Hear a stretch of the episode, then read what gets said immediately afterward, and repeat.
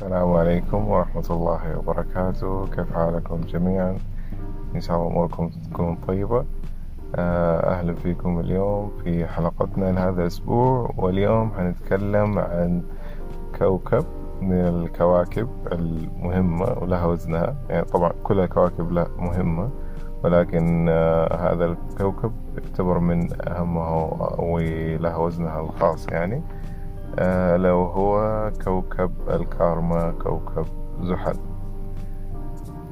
طيب آه، أول حاجة يعني زحل من أحد الكواكب المهمة ونشوف تواجد يعني له وزنه الخاص في الخريطة وحتى لما نجي نقرأ ونشوف مثلا توقعات الأحداث بعدين في الترانزيت أو العبور برضو له وزنه الخاص هو المشتري آه، من الدلالات اللي يمثلها آه، كوكب زحل. يمثل الحزن والعمل الجاد. طبعا كل حاجة فيها إيجابية وسلبية لكن بشكل عام من ال karakas أو الدلالات اللي يمثلها آه، كوكب زحل أو Saturn آه، زي ما كنا بنقول الحزن والكريف العمل الجاد والمثابرة. ويمثل كمان عامة الشعب الكومن مان يعني آه، رجل عادي ومثابر في حياته. آه، يمثل آه، أشخاص كبار السن زي مثلا العجائز في حياتنا. يمثل الأشخاص اللي هم عندهم جد ومثابرة ما تنقطع يعني على سبيل المثال لو تشوفوا بعض المرات في ناس ممكن يكونوا يشتغلوا آه مثلا موظف يشتغل في وظيفة زي ممكن مدة عشرين سنة يبدأ مثلا في مصنع من يعني عامل بسيط جدا إلى إنه يصير مثلا رئيس المصنع أو آه يكون مدير الشركة. يبدأ مثلا يكون بواب وبعدين بعد خمسطعشر عشرين سنة ثلاثين سنة يصير هو مدير الشركة هذا أو صاحب الشركة هذا يمتلكها هذه الأمور برضو نشوفها من كوكب زحل. آه كوكب زحل مهم جدا لأنه هو الكارما ومن أكبر دلالاته دلالات الكارما.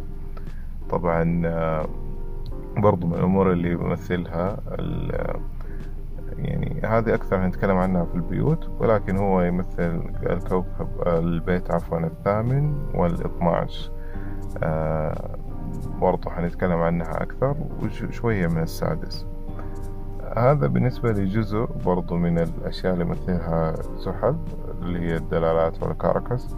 برضو الهيكل العظمي والعظام بشكل خاص آه، تمثل من كوكب زحل.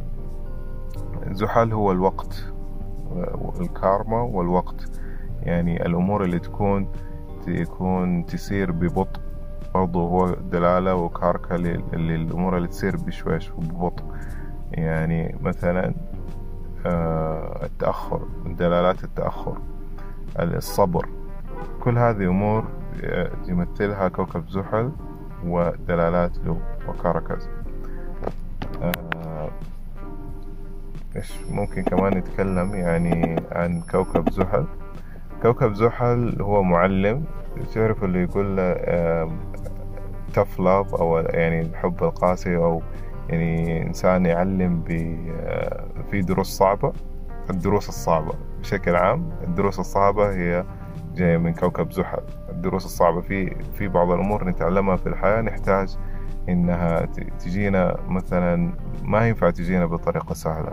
في بعض الدروس لازم نتعلمها بالطريقة الصعبة ويكون أمور مغيرة في حياتنا. هذه برضو نشوفها من كوكب زحل. هذه برضو جزء من الأمور اللي تكلمنا عنها في عن كوكب زحل. ومستقبلا زي ما كنا بنقول يعني بعد ما نخلص الأمور البيسك البسيطة ممكن نأخذ كل كوكب ونتفصل فيه. يعني حرفيا نقدر نتكلم عن كل كوكب بحد ذاته. نأخذ فيه أقل شيء خمسة وأربعين دقيقة ساعة ونقدر نستفيض في أمور جدا جدا كثير. لكن هذه نظرة بشكل عام وبسيطة عن كوكب زحل. آه هنتكلم في القسم اللي بعده عن آه اللي هو الأبراج المحكومة والمنازل القمرية وإذا في كمان معلومات جات ثانية بنتكلم عنها.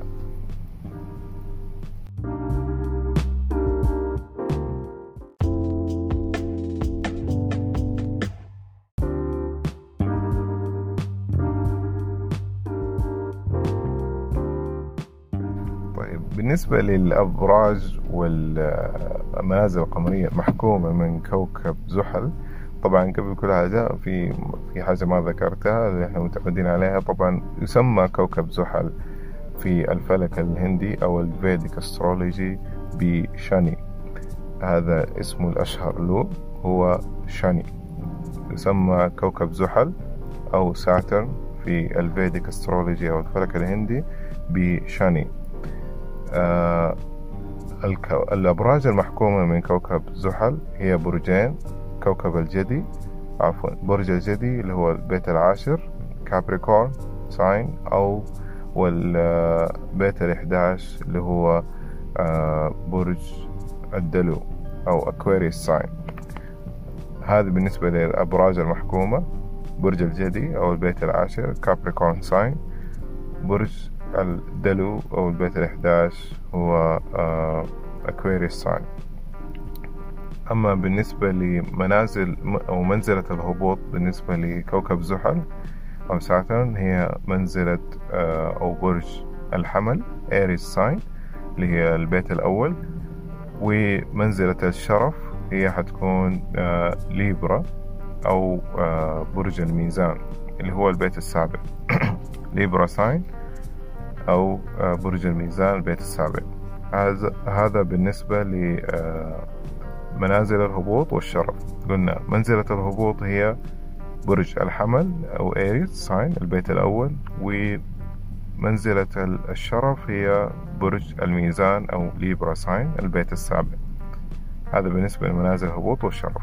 أما بالنسبة ل المنازل أو المنازل القمرية أو ال Nakshatras المحكومة من كوكب زحل هي بوشيا وأنورادا وأترا بدرا بدرا بوشيا أنورادا وأترا بدرا بدرا هذا بالنسبة للمنازل القمرية أو الناكشاترز المحكومة من كوكب زحل. طبعا زي ما كنت بقول لكم برضو هذه إن شاء الله يعني نتعمق فيها أكثر. وقت سلسلة المنازل القمرية أو النكشاترز نلاحظ إنه يعني ممكن أكيد أغلب الناس اللي ممكن أنتم تكونوا مهتمين بعلم الأبراج وكذا في أي مكان يعني دائما سمعة أو مو دائما خلينا نقول بالأغلب أو معظم الأحيان بتكون سمعة كوكب زحل سيئة. إنه كوكب النحس وكوكب يعني أمور نحس كثير يعني بتكون سمعته سيئة. ولكن لو يعني بس هذه حاجة بسيطة بتكلم عنها دحين. نلاحظ إنه في المنازل القمرية اللي أو النكشاترز اللي يحكمها كوكب زحل نجد إنها تقريبا هي ممكن أكثر المنازل ال Nakshatras اللي تحمل وفرة. أكثر ال Nakshatras اللي تعطي أشياء كويسة وثراء للشخص. أكثر ال Nakshatras اللي تكون فيها تقديم رعاية وفي كمان يعني أمور كويسة جدا. فعلى النقيض اللي يعني الناس ممكن تتوقعه من كوكب زحل نجد إنه يحكم هذه ال Nakshatras. واحد ممكن يتساءل كيف كذا؟ فهذا واحد من الأمور النقاط المهمة اللي حاب أتكلم عنها. لا تأخذوا أي حاجة ب خلينا نقول على المجمل, زي stereotype أو صورة نمطية عن كوكب أو عن برج أو هذا مثلا برج العقرب. أوه والله فيهم كذا وكذا كذا. لا. المفروض الواحد يفهم ليش وكيف ومن إيش. عشان برضو أنتوا كمان بعدين يكون عندكم فهم عميق للأشياء اللي بتتكلموا عنها يكون عندكم تصور لعلم الفلك صح تبدأوا تركزوا صح تبدأوا تشوفوا.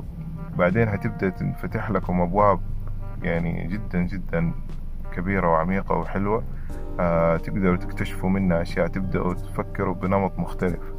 هذا شيء جدا مهم. عشان الواحد ما ياخد صورة نمطية عن كوكب معين عن برج معين ويبني عليه. هذه بس نبضة بسيطة كنت حاب أقولها و آه، أتوقع ننتقل للجزء الأخير.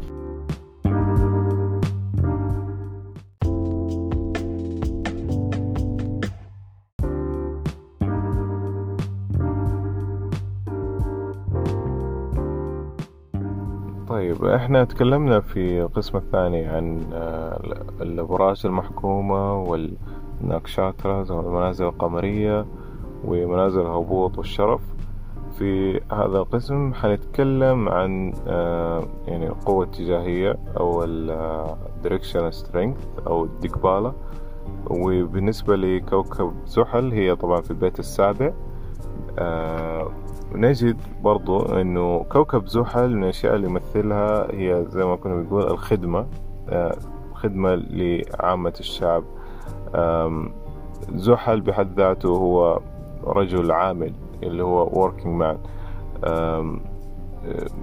من الأشياء اللي برضو كمان نشوفها آه، لو لاحظنا شوية كوكب زحل بالنسبة لمنازل الهبوط والشرف هي معاكسة تماما لكوكب الشمس سوريا.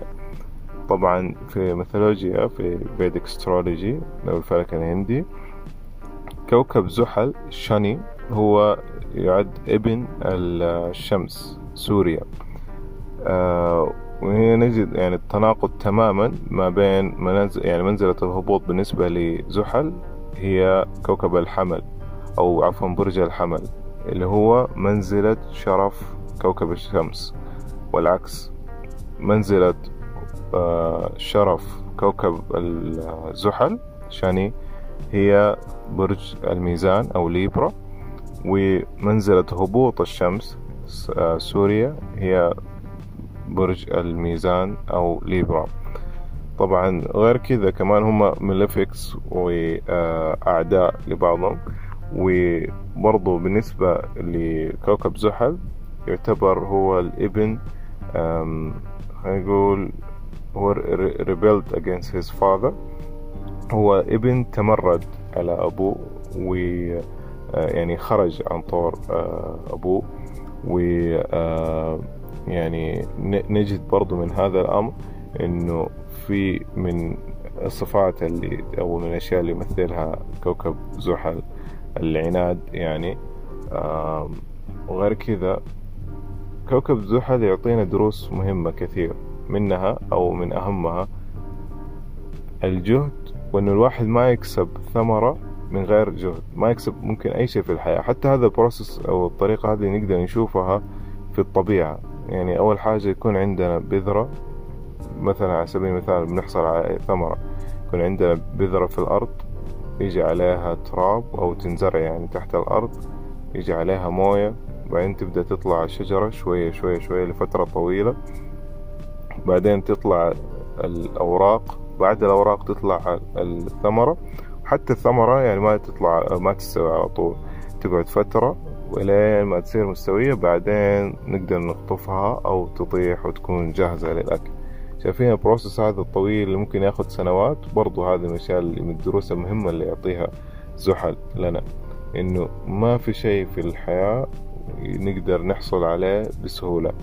بمعنى أو يعني ما نقدر نحصل على حاجة من غير ما نقدم شيء بالمقابل نقدم جهد ويعني جهد مدروس ونستمر عليه حتى نشوف نتيجة لأي عمل نبغى نعطيه هذا واحد من الدروس المهمة اللي بيعطينا هي زحل.